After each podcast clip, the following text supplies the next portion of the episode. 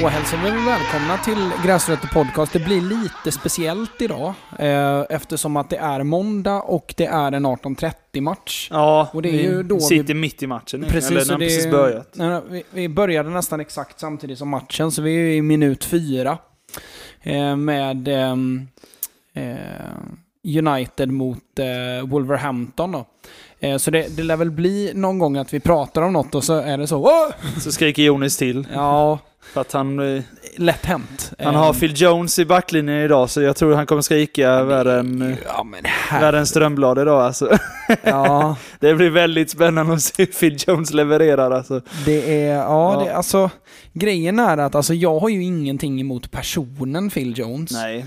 Utan nästan fotbollsspelaren. tvärtom, att man, man känner lite med honom. Att han eh, har varit så fruktansvärt skadedrabbad och aldrig riktigt kommit ur sitt eh, Man United-kontrakt. Och så var han ju dum nog att förnya det typ så här 2018 Ja, eller när det nu var. Ja.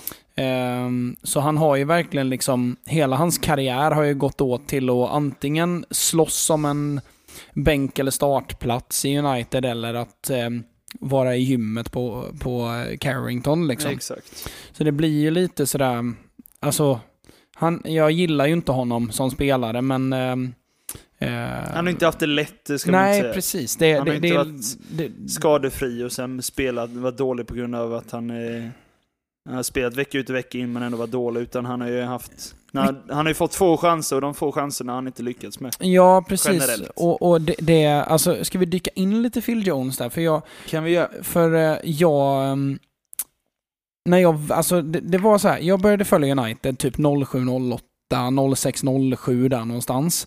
Eh, men 2011 så skaffade vi via Play.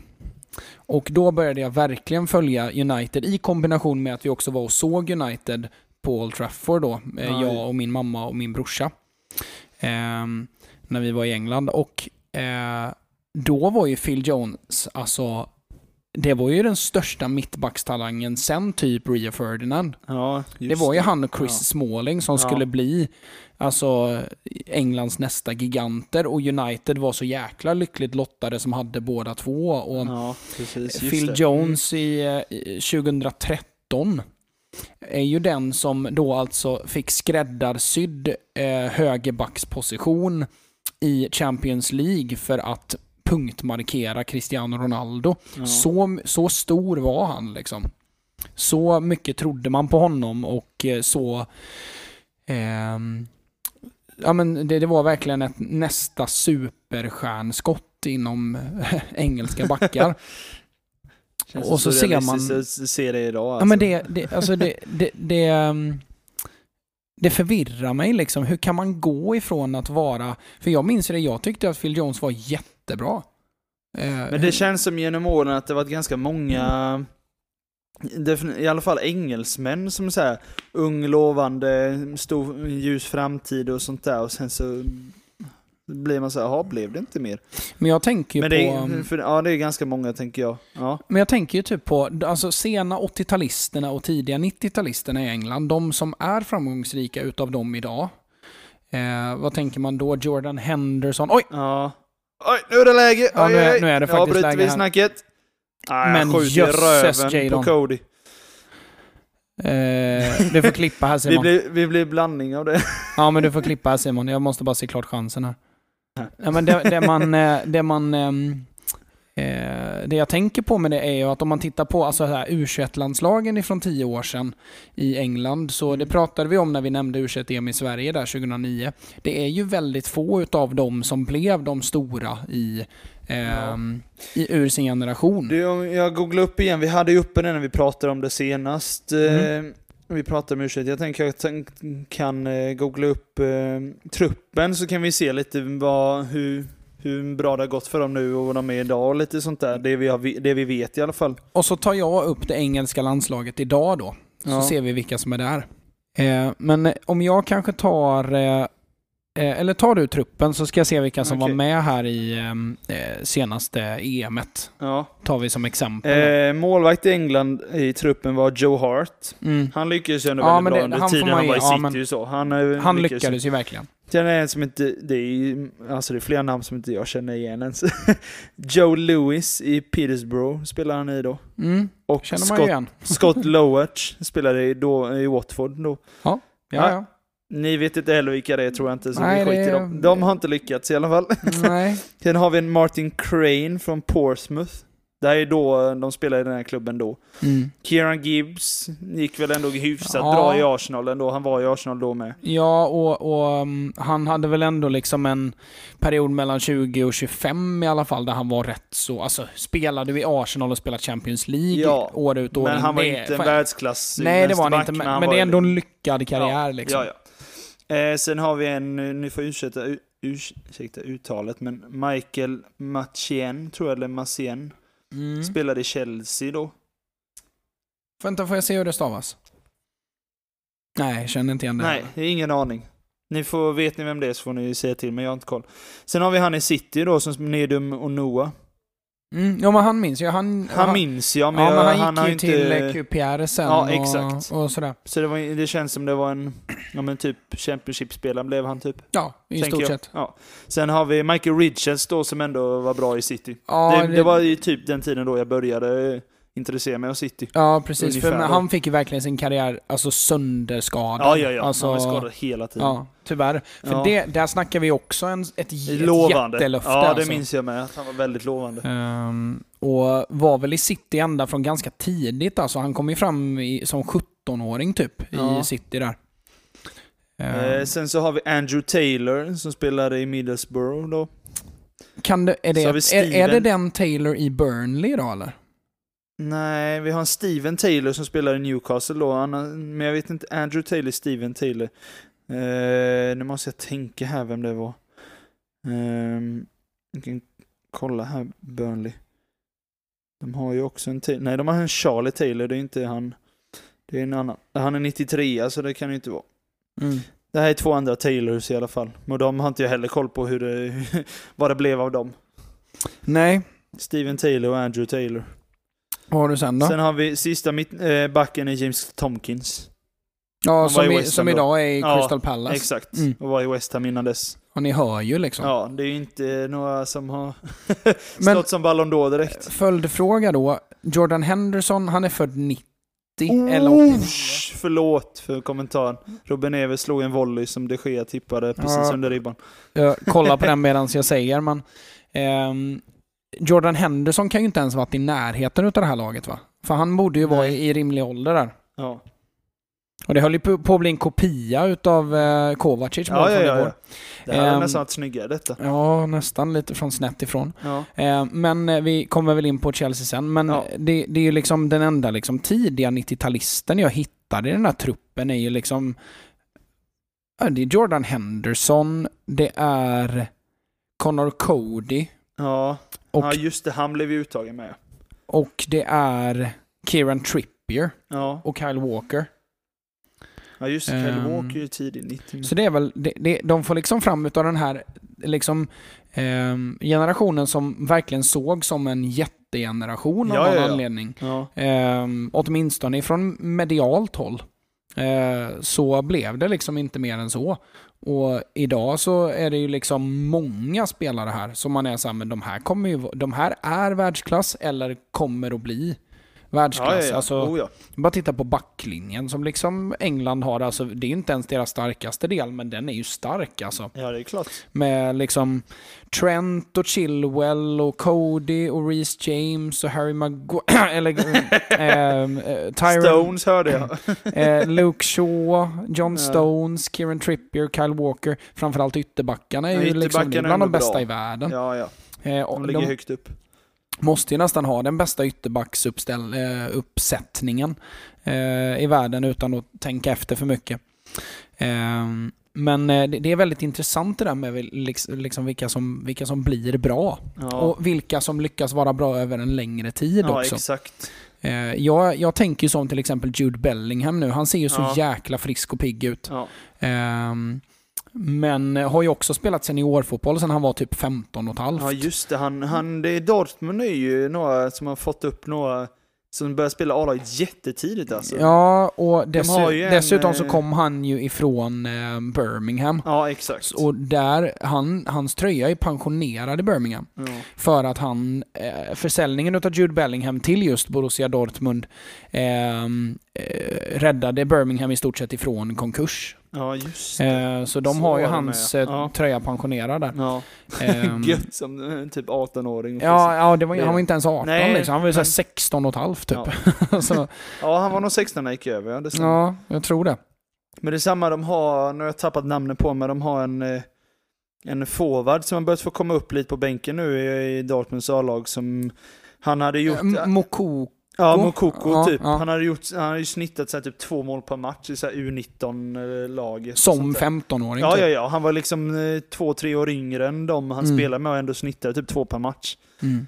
Så att eh, det är också någon som de snackar om kommer bli väldigt lovande med. Men det är som du säger, är sån som Bellingham vet man ju inte om han är bra när han, fortfarande, när han är 30 liksom. Vi har inte pratat så mycket liksom eh, dåtid eh, egentligen, men vi, alltså eftersom att, eh, som vi kommer tillbaka till, det har ju inte hänt jättemycket sedan vi satt nere senast. Nej, Eh, eftersom att vi spelade in sent förra veckan. Men, ehm, det är ju ett ganska återkommande tema, många som kommer fram innan 18 års ålder.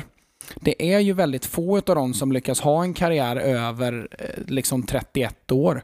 Ja, ja, ja. Eh, alltså, ta till exempel Wayne Rooney, så det är precis samma sak där. Han spelade seniorfotboll från att han var 16. Och eh, Det är ju eh, likadant med Micah Richards. Alltså, jag, jag kan inte komma på jättemånga eh, exempel där folk har kommit fram som 16-17-åringar och sen har karriärer där man blir 35-36. Hur gammal var Messi? Ja, men Messi måste varit han, 17 där Ja, någonstans, men någonstans. där var jag ändå liksom för han har ju ändå hållit nivån så att säga. Ja, det, det får man ju Men lugnt det- säga, men, men Mm. man ehm, glömmer också bort att det var inte så att han debuterade som 17-åring och sen så startade han varje match. Nej, nej, nej. Men Absolut i. Micah Richards och Wayne Rooneys fall till exempel, så var det liksom, de kom in som 16-åringar och sen så var det de i startelvan i stort sett i alla Ja. fall. Eh, och de där få åren mellan 16 och 18 eller 17 och 19 är rätt stora. Ja, Ehm, och eh, jag undrar vad det gör liksom med en, en atlets kropp. Liksom, att utsätta sin kropp för så vidunderliga påfrestningar. ja det är just det, från den, så ung ålder. åldern ja. mm. Det gäller ju verkligen att ha en bra grundfys liksom redan när du, innan du ens kommer upp i A-laget för att liksom Ja, och plus att det du steget. fortfarande växer. Liksom. Ja, ja. Det är ju alltså, det är ju många som kommer upp eh, liksom, som är väldigt unga, som är liksom 1,70 och sen när de är 19 så är de 1,77. Och det är ju rätt så, det måste ju vara rätt tungt för en kropp att spela mot eh, tunga vuxna män och samtidigt vara i växtfas liksom. Springer var ju- runt med växtverk på Ja, mittfältet, menar ju det. liksom. Det Ja. För så var det för mig med. Även om jag spelade på mycket lägre nivå så jag, jag var ju liksom 15 och 1,68 typ Ja. när jag började i A-laget. Och ett och ett halvt år senare så var jag vad jag är nu, liksom 1,77, 1,78 liksom. Så det är ganska intressant det där. Ehm, för det är ju många som pekar på det och framförallt många alltså, fysiovetare. Att Wayne Rooney just, ehm, han var liksom 30 i kroppen när han var 25. Ja, just Eh, ja. På något sätt. Det är många Mm. som pekar på det med hans värden och sånt. Det ser ju har- lite ut som med tanke på hur tunnhårig han var också. ja. Så att det, det var nog, det köper jag faktiskt. Det, det sliter nog rätt tidigt. Ja, det, Om de, det, eh, det skulle jag Om tro man också. börjar så tidigt också. Det är ju svårt för en kropp att fungera. Alltså klart, skador kommer alltid få karriärer, men hålla, eh, alltså om vi säger liksom Championship, Premier League nivå, alltså hög nivå. Från 16 till att du är 33 säger vi. Det är ju inte många som pallar det, Nej. tror inte jag. Och Nej, det har inte och varit det heller. Liksom. jag det är, tror det är ärligt- jättesvårt att göra. Jag tror ärligt talat att eh, till exempel en spelare som Zlatan, han började ju verkligen inte spela seniorfotboll förrän han var liksom, om han fick göra något sådär inhopp 99 när han var 19. Men han hann liksom bli 19 och ett halvt 20 innan han började spela senior ordentligt. Eh, Jag är rätt övertygad om att det, det måste ha en å, åverkan eller inverkan på hur hans kropp är idag. Ja, ja. Ehm, Annars har han nog inte hållit tills 40 års ålder liksom. Nej, det som slår mig med Zlatan är ju också att många av de som spelar väldigt länge. Ehm, det är ju, ehm, jag måste bara se vad som händer här. Nej då. Jo då, nej då. Nej då. Värt att nämna Ni får att det här lite hackigt. i, i detta nu så trycker United på ganska duktigt.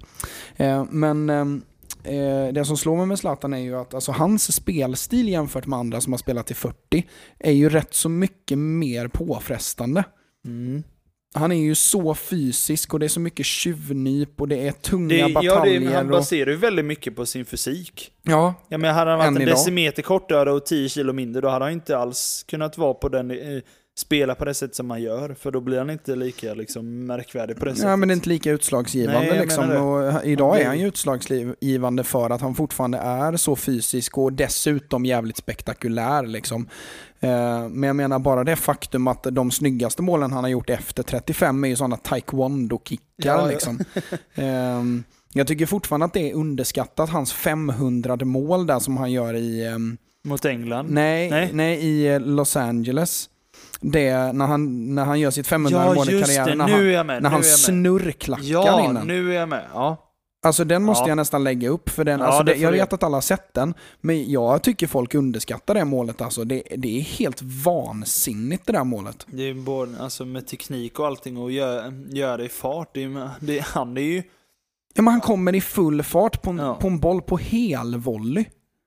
Alltså det är en boll Ja. som liksom dimper ner ovanför honom och han tajmar den jäveln och får in en rejäl träff. Alltså det är ju, det är ju som ett skott liksom. Oh ja. stenhårt i, i första, nä, nästan första krysset liksom.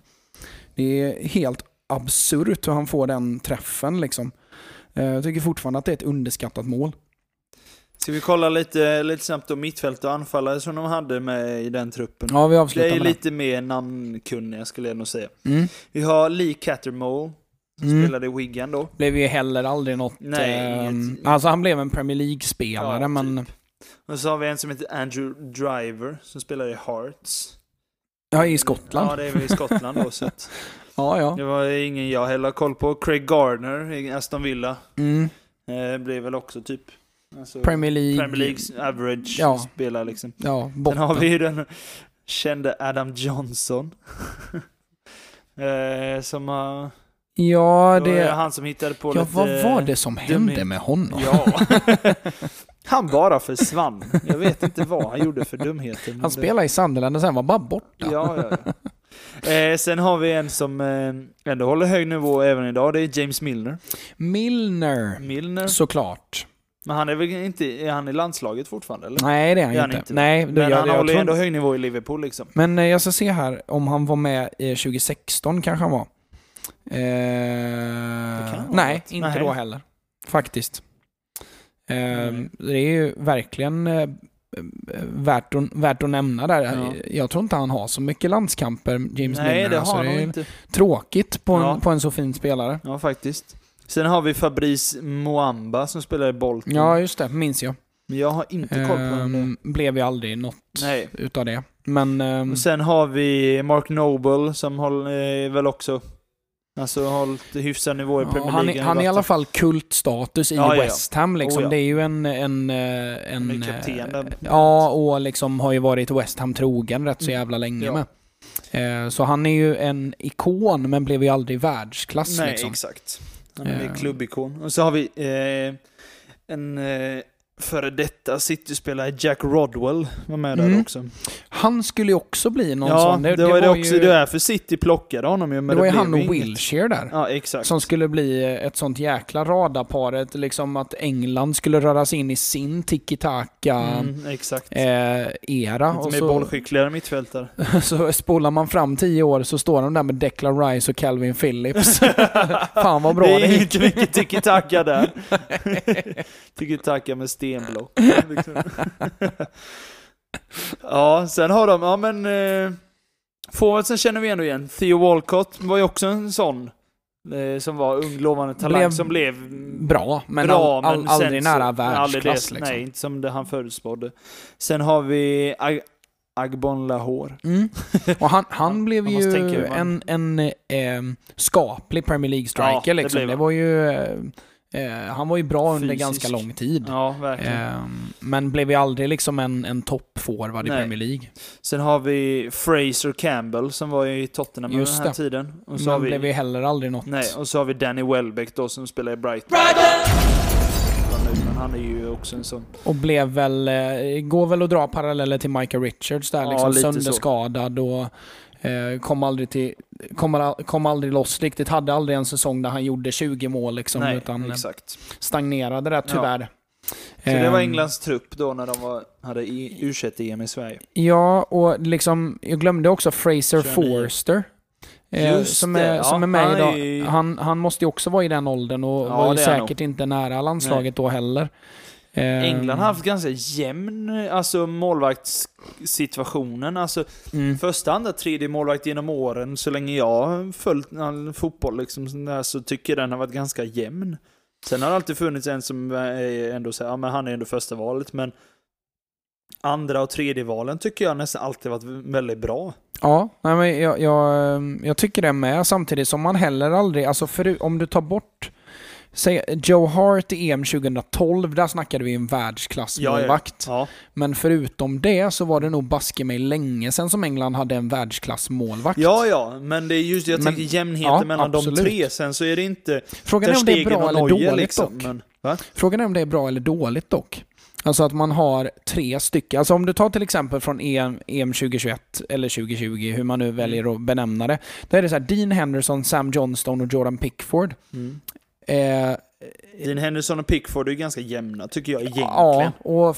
Men det är för att jag är inte jätteglad i Pickford. Men, Ja, precis. Men det, Dean det är ju- Henderson, hade han stått vecka ut och vecka in så hade, han varit, hade man fått se hur bra han egentligen är. För Ja, han är faktiskt. bra. Det, det är han. Ja. Och um, jag, jag, jag klurar lite där alltså. Vad... um, Det är ju Sam Joneston är ju med eh, rutin och sånt där, men han är inte... Ja, också United-produkt för övrigt. Ja. Men, ehm, men det, det, det är jävligt intressant det där för att vill man hellre ha kanske...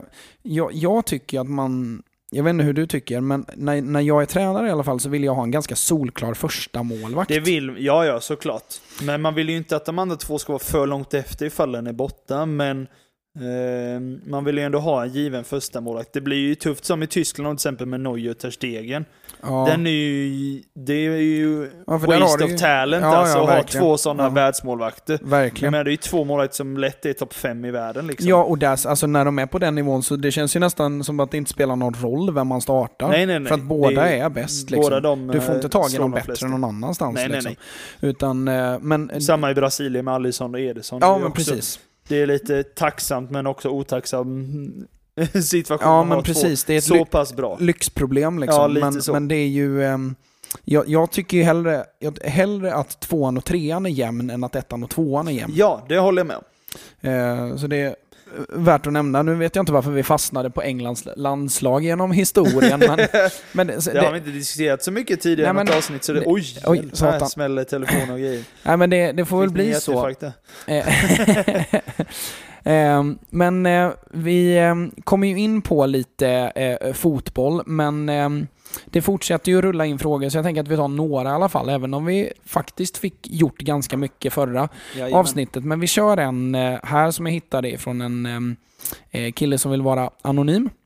Ehm, han skrev “Tjena grabbar, jag ville bara säga att ni har fått mig intresserad av att bli tränare. Jag är bara 17 år, men eh, vet ni om det finns någon tränarutbildning för att bli tränare? Dessutom vill jag berömma er för hur taktiskt vetande ni är inom fotbollen. Och jag tror att många läser väldigt mycket av er, inklusive mig själv. Till sist vill jag tacka för allt eh, ni har lärt mig från ett United-fan. Ja, det är klart han är. Ehm, Stackarn. Eh, dessutom en helt fantastisk eh, eh, podcast som är lärorik och rolig på samma gång. Eh, otroligt mycket beröm och tack ja, så mycket. väldigt kul att höra. Ehm, och eh, han var ju som sagt 17 år då och vill bli tränare. Mm. Eh, om jag ska vara uppriktig ehm, så tycker jag så här, alltså det blir lite konstigt. Jag har tänkt på det flera gånger att det är många ehm, som hört av sig om just det här att bli tränare Ja. Eh, till mig liksom sen jag började med det här liksom mm, eh, socialmediala. Eh, och jag är ju lite så här att egentligen så tycker jag inte att man ska bli tränare så tidigt som jag blev. Jag tycker... Nej, det, är ju en, finns ju vissa nackdelar med det. Dels med rutin och liksom sådana här bitar. Och det, Men också att liksom, när man väljer sig in i tränarskap, alltså jag hoppas ni fattar hur mycket tid jag lägger. Alltså att vara tränare är inte som att vara spelare. nej, det, är- jag tror eh, även jag som är spelare själv att man, man tänker nog inte på hur mycket arbete runt omkring en tränare gör för att den ska funka. För att, som vi, vi pratade om det förra veckan, eh, just att eh, alltså jag kommer ju till träningen en, en 20 minuter, en halvtimme innan träningen börjar och sen så sticker jag så fort den är färdig nästan. Mm. En tränare kan, behöver ju ibland vara liksom en timme innan och du behöver Ja. planera dagar innan och liksom sånt där. Det, jag behöver inte planera inför en träning utan jag kommer ju dit och tränar och så Jag sitter ju med liksom. grov planering för april månad nu till exempel. Ja, Och jag sitter med, nu är jag ju lite överambitiös och man måste inte göra allt det som jag gör, men jag sitter ju liksom och gör instruktionsvideor för varje enskild position i eh, försvar, återerövring och anfall. Eh, och sen om jag hinner ska jag hinna med uppbyggnadsspelet också. Eh, det är ju liksom, vi snackar timmar varje kväll i veckor. ja. Ehm, och inte en timme, utan två eller tre eller fyra. Eh, och det som eh, gjorde att jag blev tränare var ju att jag inte tyckte att jag hade så mycket, att jag ledsnade på att eh, spela av så många olika anledningar. Plus att alltså, allting var ju bara av en slump och händelse liksom. Och jag har tänkt på det att, ja, men till exempel folk som blir jätte... Jag, jag jämförde lite med folk som blir jätterika på så här kryptovalutor nu. Ja, Att det är så här, ja det är ju jättebra för dem, men gör inte det. nej. Alltså, fattar du hur jag menar? Ja, jag att all, menar. alla kan ju inte lyckas med det liksom. Nej. Du behöver Ehm, inte göra det för att alla andra gör det, för att det... Ja, eller för att den du ser upp till gör det. Alltså Ja. jag har jättemånga som jag ser upp till som jag inte går samma livsbana som. Mm. Man kan eh, dela deras värderingar, man kan dela eh, deras synsätt på saker och ting. Men det betyder inte att du ska göra exakt som eh, den du ser upp till eller den du skulle vilja göra som. Nej. Eller vara som. Ehm, och jag, jag vill liksom på något sätt ändå någonstans poängtera det att jag eh, råder ingen att börja så tidigt som jag gjorde.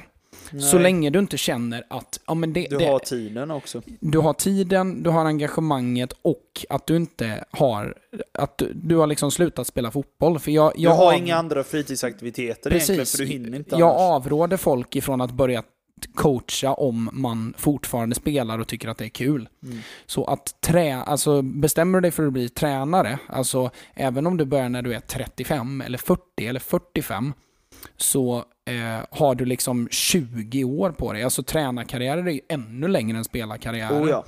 Så jag menar, titta Sir Alex, han slutade när han var 72. Det är liksom... Har man varit pensionär par år? Ja, men då, liksom, han hade kunnat vara pensionär i sju år med, med liksom ett vanligt jobb, quote on quote. Ehm, men så jag- vill bara liksom... Jag, jag tycker lite att jag varit lite för dålig på att liksom belysa det, att det, det tar extremt mycket tid. Och känner man, det är jättekul att du känner så, eh, eller att det verkar vara en hel del som känner så. Eh, men jag skulle avråda någon från att göra det eh, såvida man inte känner att det är helt rätt Nej, och är beredd Man att måste göra. förstå vad det innär att vara tränare. Det är liksom, Precis, som du säger, vad, allt arbete runt omkring och liksom precis. före och efter och under liksom matcher Och, och, um, träningar och sånt. Det, det är ju bara att liksom fråga den tränaren du har när du spelar fotboll. Liksom. Hur mycket tid lägger du? Såvida det inte är en farsa liksom, i ett, eh, fatta mig rätt nu, men ett vanligt pojklag i en små, småklubb. Liksom. Eh, men Träna liksom, ett seniorlag är ju lite annat tänker jag. ja, När det du börjar komma där. Verkligen. Ehm, så det är... Jag vill bara nämna det, eh, för att jag har tänkt på det flera gånger men aldrig riktigt nämnt det. Att, så att ehm, det är nästan så att jag säger gör inte som jag. Ja. Ehm, för att det, det blir inte jättebra. Alltid, för alla. Och... Ja, men jag ville, jag ville bara ha det sagt egentligen. Ja. Ehm, men eh, jättebra fråga och jättekul Vet du om att det du... finns några kurser eller något sånt där, om man nu skulle vilja läsa det ändå liksom? För att Jo, men det, det det, har inte jag koll på. Alltså de flesta föreningar, eh, eller en hel del föreningar, eh, erbjuder ju den första utbildningen, alltså diplom C, Mm, det har vi SVFFs. fått i Nässjö bland annat. Ja. om. Eh, och den går man ju helt gratis genom föreningen i väldigt många föreningar.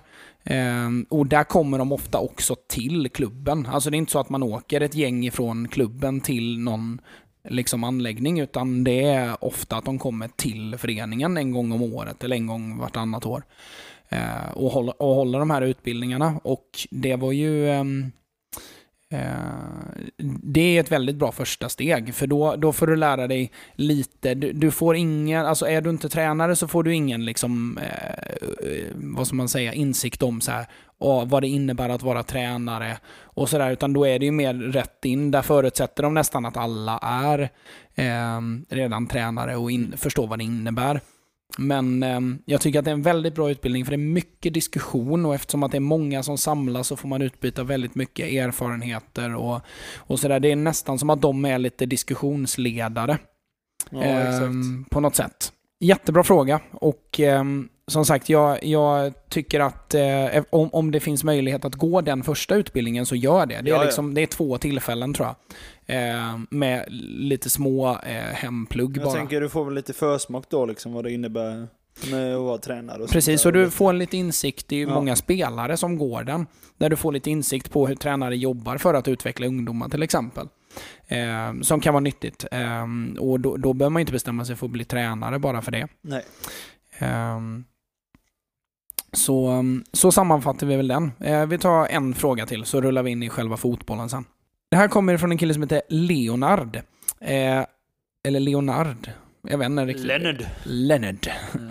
Eh, jag har en fråga, säger han. Eh, kanske lite tråkig. Nej då, det tycker jag inte. Men vem tycker ni är den mest underskattade spelaren i Premier League? Själv tycker jag Matip. Och jag Okej. eh, Mm. tog den för att jag och pappa satt och diskuterade den. Ehm, eller jag ställde frågan och vi bollade lite. Och jag har kommit fram till två eller tre spelare som är så här, ja men det här är liksom definitionen av underskattad. Eh, men jag tänker, Jag skulle egentligen behöva betänketid känner ja, nu men då, men, igenom. men då slänger jag ut mina först då. Ja, gör det min- så min går jag igenom första- lite lag så länge. Min första och absolut tydligaste är Cesar Aspilicueta. Ja. För det är för mig helt otroligt att han inte nämns bland de bästa försvarsspelarna under Premier League-eran. För Han har- Så länge som han ändå har varit... tio år i Chelsea, jag tror det är hans tionde år nu, eh, och har alltså spelat vänsterback, vänster wingback, högerback, höger wingback och mittback i både tre och fyrbackslinje. Ja, ja. Säg en till som har gjort det. Ja du, Cancelo är väl Spoiler, närmast, men- spoiler, spoiler, det finns ingen. nej, Alltså, jag, det är nej, jag kommer inte på någon som har al- alternerat och bytt så mycket. Nej, och att han är, han är Så otroligt komplett. Och Ja, ja. är, är ju underskattad när det kommer till grisighet med. Det är ju nästan Ramos-nivå på hans... Ja, alltså det kan det vara. är inte lika många röda, Nej. men han är äcklig Men jag och tror han elak. blir underskattad på grund av att dels är han inte jättestor, Mm. så jag tror inte man tänker automatiskt. Och sen så just att han är inte den snabbaste heller. Därför tänk, alltså som en ytterback så blir det att han inte är den vassaste i löpningarna just. Men i försvarsspel är han ju guld att ha skulle jag säga.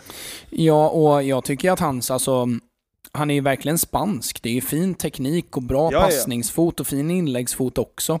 Det är en av de mest kompletta spelarna i världen, tycker jag. Alltså om man ska se till, för man pratar ju ofta om kompletta spelare, då pratar man om så här Kevin De Bruyne, och ja visst, han är ju komplett. Men jag menar, se till, se till vad Cesar Azpilicueta har liksom. Eh, Det enda han inte har är väl typ att han, ja, han är inte jättesnabb. Han har ju heller inget liksom, distansskott att tala om. Liksom. Men, men who gives a shit liksom. Mm. Jag tycker han Nej, jag är kriminellt underskattad. Ehm, och att han då, liksom, han har ju aldrig hamnat i luven på någon tränare eller någonting. Det är verkligen en sån soldat verkligen, som gör det som krävs. Och det är ju därför han förmodligen har kaptensbindeln. Ehm, lite mer, han har, Det märks ju att han är ledare på plan också Ja, verkligen. sägas. Absolut. Uh, tycker det är jobbigt att, att tänka att folk inte håller honom högt alls. Och jag tycker själv att jag glömmer bort honom ibland. Ja. Ehm, och sen så, eh, vänta lite.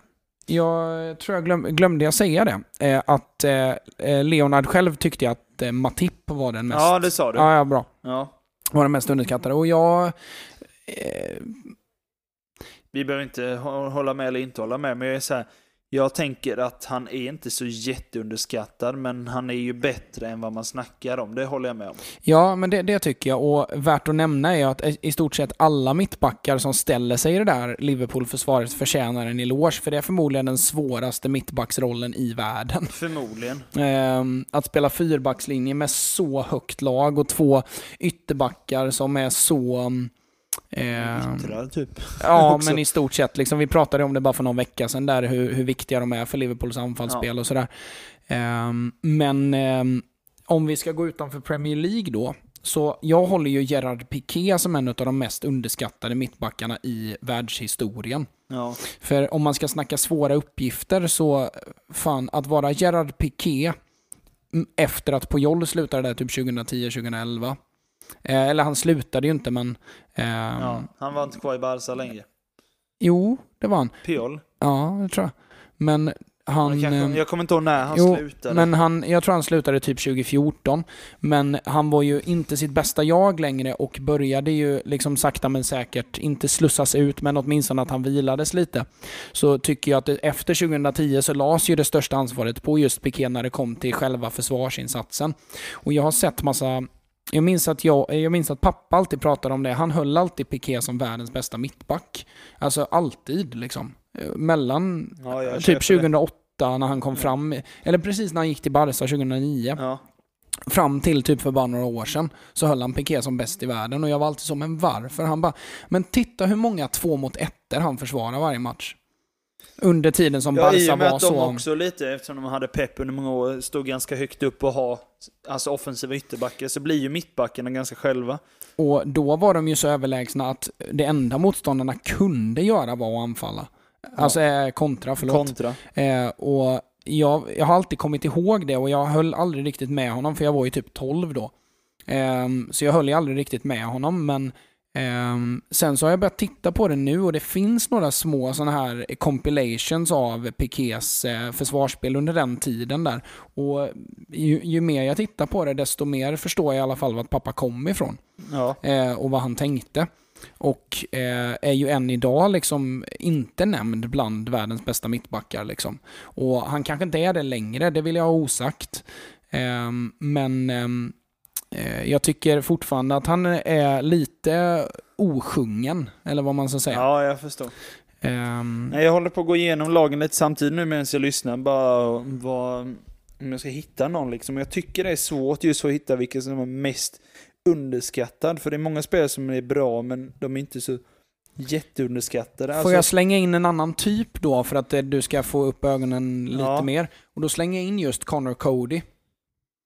Som underskattad. Det förstår jag, för jag ser ju inte det du ser i honom. Alltså, jag ser han som en bra, stabil mittback, men jag ser inte det värdet du ser. Och, men det är väl för att jag ser kanske fotboll och spelar med lite andra ögon, och då blir det att jag inte ser kanske samma sak som du har sett. Men så här då. Hur många mittbackar som inte är vär... Alltså okej, jag tar. Jag, tar, jag ska, ben, jag, jag ska eh, betona på rätt ställe. Hur många mittbackar som inte är världsklass har ledaregenskaper? Som inte är världsklass. Som inte är alltså topp 6 klubbs mittback i PL eller liksom i Bayern München eller PSG eller Real Madrid. Ja, men topplagen i de... Eh... Champions League-lag då, säg så. Ja, Champions League kan vi gå ifrån. Om, om, vi, om vi räknar bort de som tar sig till Champions League år efter år. Mm, Okej. Då kan vi kolla någon av Spurs-backarna. Nej. Vadå, det är sant? ja, det är det. Ehm, men, Nej, men, du, förlåt, men du fattar vad jag menar. är lite där Och där tycker jag att Connor Cody är helt unik. Ja, ja det- han, det är, han är ju en- verkligen en ledarmittback. Eh, och liksom... Vad ska vi... Jag bara funderar på, i och med att jag ser så mycket PL och det finns mittbackar i de Jag tror att, sämre eh, lag, men det är inte... Jag tror att Leonard skrev i PL, eh, så, vi, Ja, så det, det gör inget om du håller det inom PL. Nej. Liksom. Och de jag kommer på det är Connor Cody och på sätt och vis Louis Dunk. Ja, jag, jag var precis inne på Dunk. Mm. Jag var inne på Brightons match och kollade. Det är ju, han är ju också en riktig ledare. Ja, verkligen. Och jag... ehm, eh, men det, det som jag ser med Connor Cody är ju eh, dels att han eh, är en, en mittback av en liten, vad ska man säga, dying breed. Alltså han är väldigt begränsad och vet om det. Ja, ja, ja. Och han vet vad han kan och inte kan och gör allting fruktansvärt enkelt. Och det är det enda jag har lite emot moderna mittbackar eller mittbackar utav det mitten eller sena 90-talet är just att många spelar som att de är bäst i världen och tar risker som att de är bäst i världen. Eh, både på grund av att tränarna kräver det idag, ja. eh, men också att eh, de är skolade in i det, att alla ska klara av det. Eh, Men det gör ju inte alla. Ta en spelare som Rydiger till exempel, som ju klarar av det, men som också har en rätt hög felprocent. Det är bara att titta på Ja. matchen mot Liverpool, där han, hans eh, otajmade utflykter eh, Han har ju det till... tyvärr ibland. Jag tycker ju att han är bland de bättre mittbackarna i PL just Ja, nu. Men med. det är ju, tyvärr är han ju lite, lite flaxig ibland just att han kan försvinna iväg. För han har ju annars både bra bollkontroll och snabbhet för att vara mittback. Gör att han är väldigt ypperlig i den trebackslinjen tycker jag. Ja, absolut. Men eh, det är ju som du säger, han kan ju göra någon sån lite rädd när han för, försvinner iväg lite för att han är lite... För att man inte riktigt har koll på sina begränsningar. Nej. Men där är ju Cody alltså ganska så klockren. Plus då att han har de här ledaregenskaperna som är ruskigt underskattade. Vi såg ju i tunneln här nu innan matchen drog igång här Ja. mellan Wolves. Han, är, och han klappar på alla, hälsar på alla, hälsar på domaren, hälsar på motståndarna, skrattar med Ronaldo, skrattar med domaren, klappar om 16-åringen som sitter på bänken. Det är sån eh, franchise-aura på honom. Ja, Det känns, em, i NHL och sånt pratar man ju om franchise-spelare. ja. Alltså typ Sidney Crosby och Ja. de här. Connor Cody är en franchise-spelare så på sätt att eh, han är Wolverhampton Oh ja. på något sätt. Ja, Eh, och där håller jag honom underskattad. yes. Ja du, det var väldigt svårt att komma på spel som är så underskattade. För jag är så här, jag tycker ju att det är för få som pratar om när man tittar på hur viktigt till exempel Rodri är för City, men det är ju för att jag är City-fan så jag, Men ser jag- det mycket tydligare. Men jag, Men jag, kan hålla med dig om att den här säsongen så tycker jag att, Sit, eh, att Rodri är lite em, underskattad så tillvida att folk inte har märkt vilken utveckling han har gjort. Nej, exakt. Så på det sättet så tycker jag att han är på sätt och vis underskattad. Sen Ja. är det ju svårt att vara underskattad i ett av de lagen som ju visas och syns allra mest i världen. Liksom. Exakt. Det är ju så. Men eh, för, bortsett då från Arsenal-matchen nu i helgen, när, eh, eller nu senast då, när det egentligen var Thomas som ägde mittfältet, så Mm. tycker jag Rodri ägt mittfältet varenda match han har spelat. Mm. Det är liksom, han löser så mycket, han har så fina fötter och han eh, så grym spelförståelse, alltså hittar rätt Ja, ytor och Ja, absolut. tiden. Och jag tycker, det som, jag minns ju att jag pratade om det eh, ganska tidigt i podden, just att hans eh, op, eh, operation area, liksom, eller hans heatmap ska man egentligen kunna säga, Ja, eh, och passnings... ehm, Eh, range har, eh, tyckte jag var alldeles för liten för att eh, spela sittande mittfältare i city. Liksom. Ehm, men eh, där har han ju verkligen förbättrats. Det är Ja, en verkligen. tydlig utveckling och jag trodde verkligen inte det. Jag, jag brukar ge en spelare ungefär en och en halv säsong eh, om man ska se några förbättringar. Ehm, men han överskred ju en och en halv säsong lite. Nej, vänta lite. Han har bara varit i en säsong. han har bara varit en Ja, säsong. precis. Mm. Ja, men så det var ju verkligen precis runt en och en halv säsong som han verkligen blev det som man tänkte först. Ehm, och det är ju samma med Thiago. Att eh, det är ju den här Ja. säsongen han har blommat ut och eh, han behövde en säsong liksom. Och nu tycker jag, eh, när han får vara skadefri, som sagt, eh, att han, han är en av världens bästa åttor, eller liksom ordinära centrala mittfältare. Ehm, men ehm, jag ehm, vill ändå liksom det blir lite dumt idag i fotbollen eftersom att fotbollen är ju liksom, det, det har ju aldrig kollats på mer fotboll än vad det gör idag. Nej, det är nog rekord i flest tittare nästan just Nej, men när man, så- jag, jag tänker framförallt på det när man lyssnar på eh, många av When We Were Kings avsnitt och när, när de pratar om 90-talet och, och 00-talet och till och med början av 10-talet så är det ju många framgångsrika klubbar som hittar spelare på så obskyra ställen. Ja, men som eh, när jag lyssnade på, vilken var det? Jag har också lyssnat på någon av When We Were Kings, men det var, jag bara tänkte som när Leicester hittat både Mares och Kanté till exempel. Ja. Det är också sån story som jag säger, de hittade så här andra, tredje division nästan i franska ligan liksom och varit knappt märkvärdiga där. Alltså just, de har inte gjort något större väsen av sig utan det är bara just de, koll, de hade kollat statistiken på Kanté Mm. när han var i franska andra ligan och bara han ska vi ha. Ja. Och sen så två år senare så är han bäst i PL och vinner ligan liksom. Ja. Leicester. Och om vi eh, trillar in på N'Golo Kanté så, mm, eh, eller vi ska bara avsluta den först, att idag så när du tittar på även de lagen som skrällar i liksom Champions League eller någonting sånt, det är ju det är så sönderscoutade spelare så det finns ju inte. Alltså även liksom, alltså de spelarna som värvas från obskyra ställen, de går ju till Salzburg när de är 18. Mm. Liksom. Det, det, som du pratar, det, det som kan nämnas som en obskyr värvning idag, det är ju liksom att värva ifrån någonting som inte är Red Bull Salzburg. Och förr så kunde du hitta, när, när, jag lyssnade på Chapecoense, du vet laget som eh, Ja, kraschade. kraschade, flygkraschen. Deras värvningar är ju helt makalösa. De värvar liksom spelare ifrån alltså, alltså divisions, alltså korpen typ. Alltså det är verkligen på den nivån. Att de hittar spelare när, liksom, när de är på någon jävla bortamatch och så hittar de någon spelare eh, och så bara faller det kanon med att han är beredd att börja satsa lite mer på fotbollen. Och oh, helvete vad bra han var. Vad bra han blev liksom. Ja, är med. Och, och sånt där, Scouterna har ju mer koll på fler spelare nu i alla åldrar och i jag alla vill, klubbar. mena, jag vill mena att fotbollen är snart heltäckt. Liksom. Mm. Eh, det finns en asiatisk del av världen som inte är upptäckt och utvecklad än.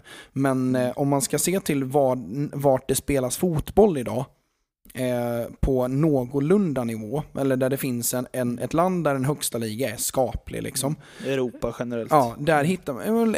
Alltså så här, vad hette han ehm, i... eh, Han esten i eh, Liverpool? Bo, inte Bogdan, utan... Eh, Ja, mittbacken ja, eller? precis. Men herregud. Ja, nu är det också helt... Uh... Ragnar Klavan. Klavan var det ja, Mm. just det. Alltså, man hittar en spelare i Estland. Mm. Vad, vad gör man? Alltså, fatta scouten som får åka till Estland. alltså så här, man... Så skittjurig på flyget. För scout, ja men jag, jag kan tänka mig det, för scout bara, vad ska jag hitta det är här? inte lätt att bli scout i en toppklubb idag. Nej. Fan heller, Nej, det men, är rätt ja, svårt. Men det är ju att de just väljer att åka till Estland med. Det är ju det man funderar lite på hur de... Vad kom de fram till att vi åker till Estland? För någon måste ju sett någonting. Är det någon i Estland som har hört av sig till Liverpool eller Liverpool som ah, men vi chansar på Estland och så hittar vi Mm. Klavan eller vad?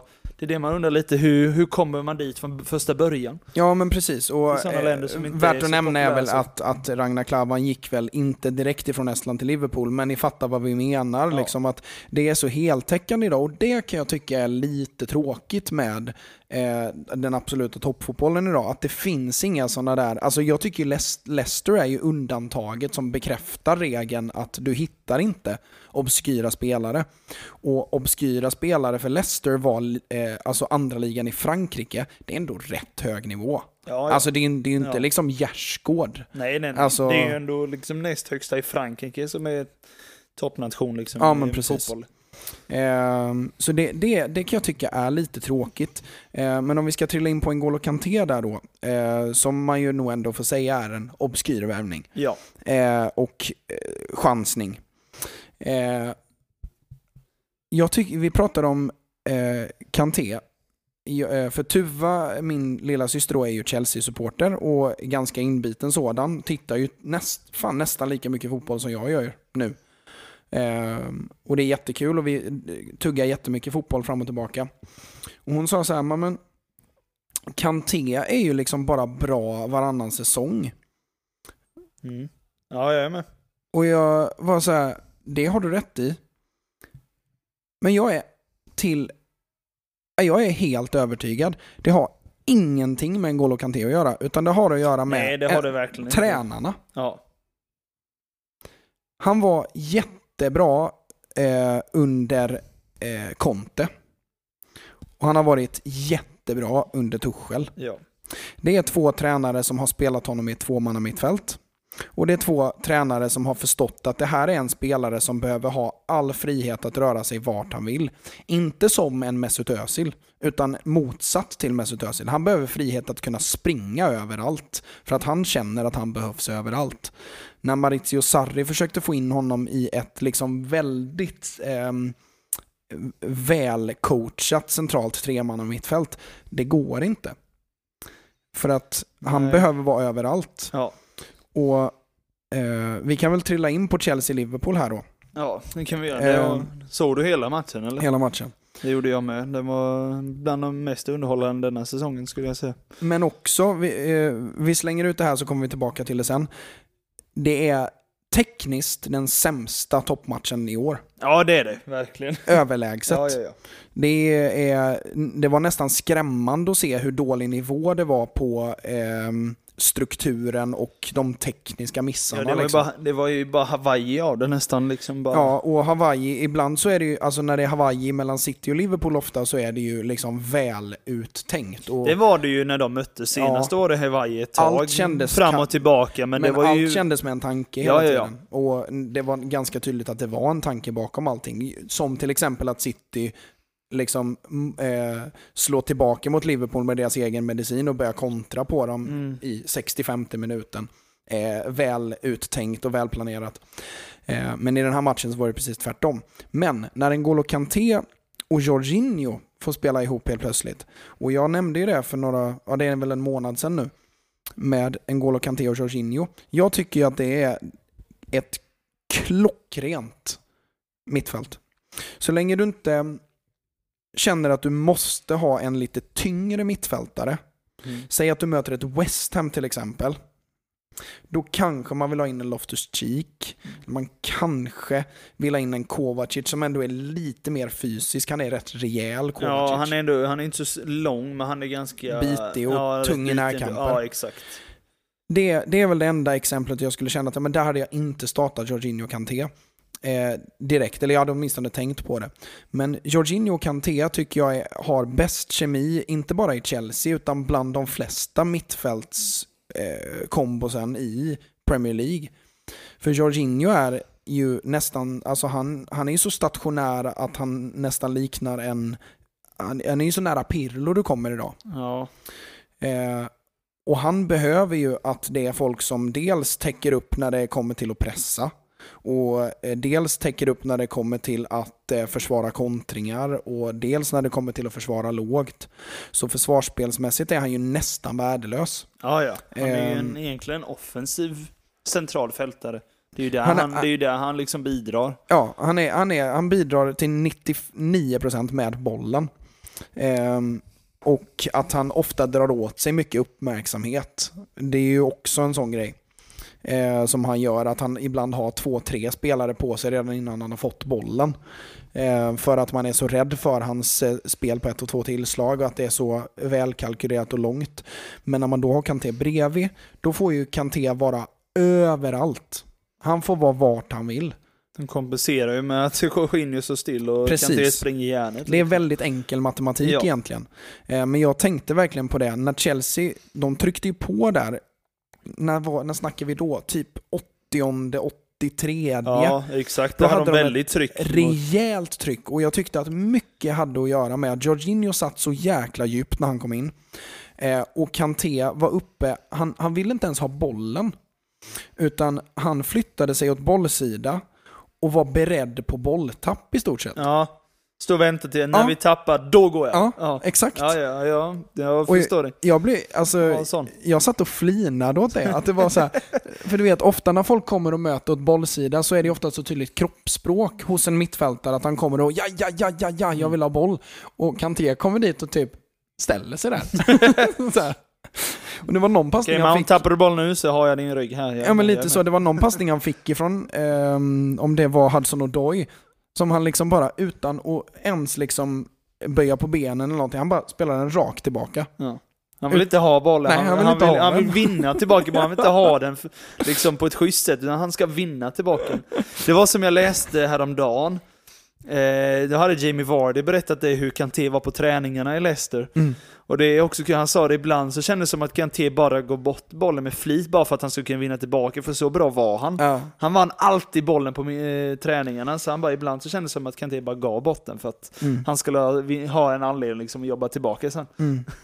Och han är ju, om vi ska snacka saker att vara underskattad på, så är han ju faktiskt otroligt underskattad med sina bolltransporter genom mittfältet. Ja, ja. Det är han ju ofta alltså. Mm. Och eh, Det tycker jag har varit tydligt, alltså i stort sett ända sedan Leicester-tiden, att han är jävligt duktig på att transportera boll. Och, eh, Men det är svårt att få tag i med en boll liksom. Verkligen. Och um, har ju liksom ett par, eh, ja vi har ju pratat om honom ett par gånger nu så ska jag inte upprepa oss men det är liksom, det är verkligen inte bara en, alltså att folk jämför honom med Makelele tycker jag är ganska, o, det är ganska dumt. Makelele Ja. var liksom en djupt sittande mittfältare som bara vann tillbaka bollen i stort sett och, och spelade första bästa passning. Kanté är ju Makelele plus ja men det dubbla liksom. Ja, lite så.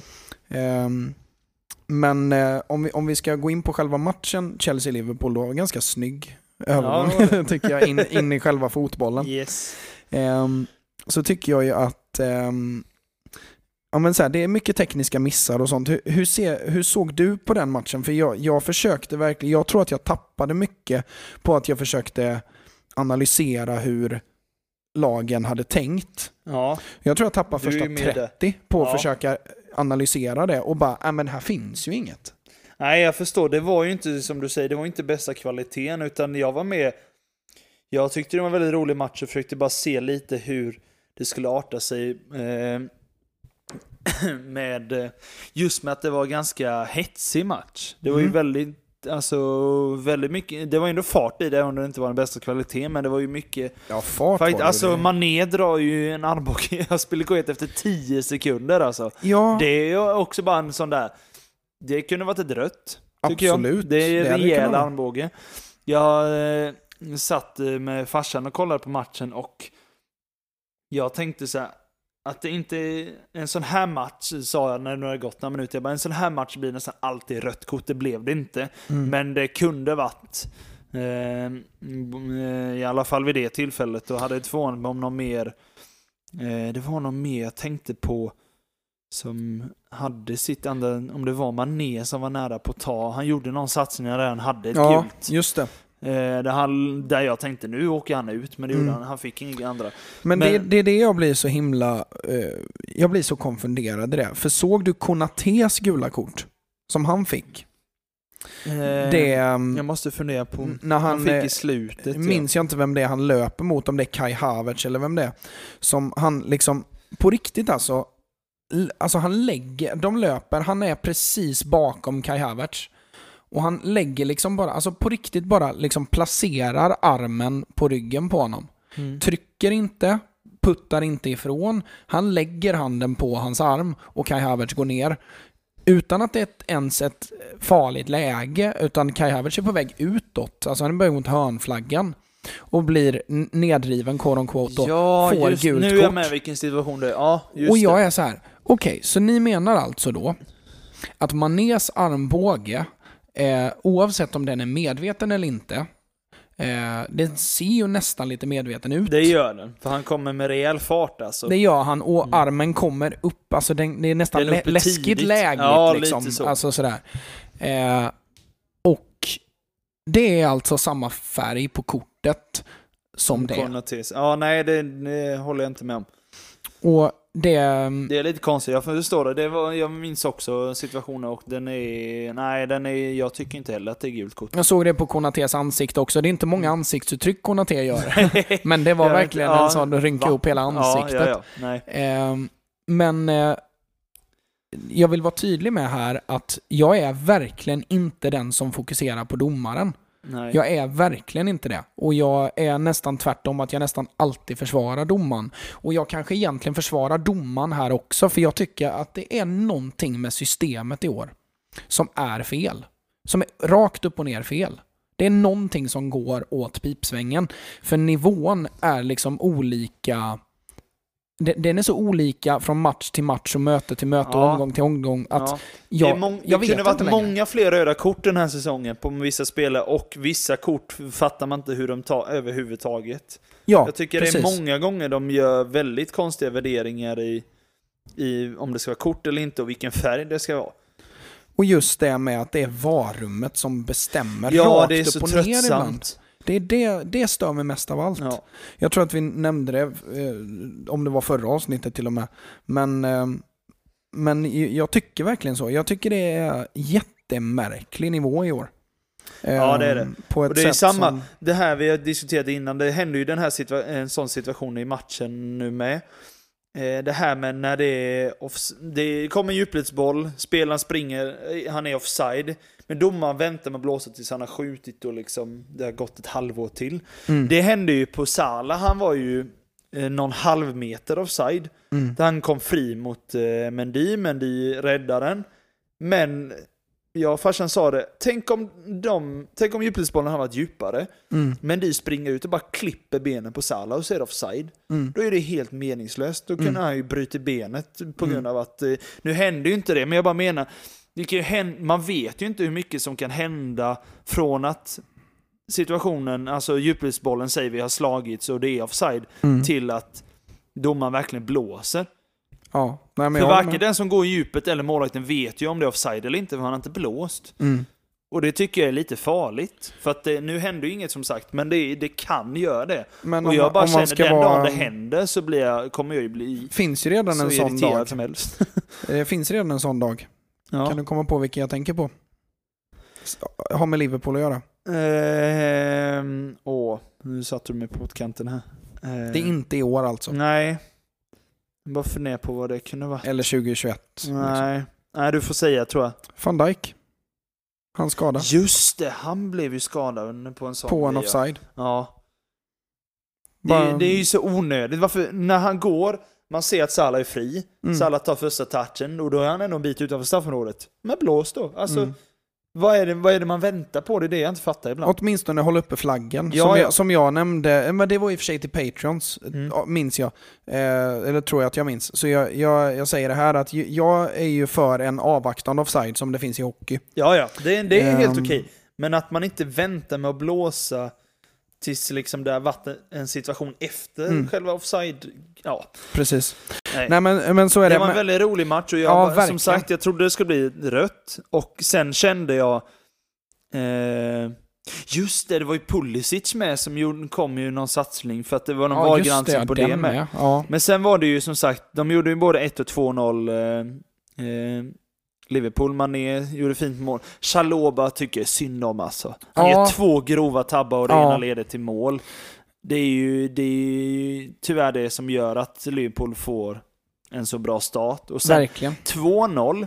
Där slår ju Trent en djupledsboll på kanten till eh, Salah som fintar bort Marcos Alonso. Ja. Men där blev jag också irriterad som målvakt på Mendy. Han var jättebra i matchen. Han gjorde några idioträddningar ja, utöver det. verkligen. Men det 2-0 målet, innan Salah ens har bestämt sig att skjuta så sitter han på knä och är hur liten som helst. Och släpper dessutom, det är en, liksom en grundregel som målvakt att man inte ska släppa första stolpen. Sen kan man inte stå och krama första stolpen, men det är där du ska börja med att täcka så får du liksom jobba dig mot och liksom skjuta en stolpe in i botten, då får du bjuda på det. Men du ska inte släppa den i första. Och han är så liten när skottet går så att det är inte, alltså Salah får in det hur lätt som helst. Så det blir jag lite irriterad på. Ni som inte har sett målet, kolla på det hur Mendy gör. Han går ner innan Salah ens har bestämt sig Mm. att han ska skjuta, att han ska gå ner på knä och ska... Eh, förlåt. Eh, ska Mendy gå ner så som han gör, då måste han vara liksom en halv meter ifrån Salah, för då går han ner i, liksom i en block, som du säger, Mm. alltså innebandyblock som vi Mm, pratade om. mm.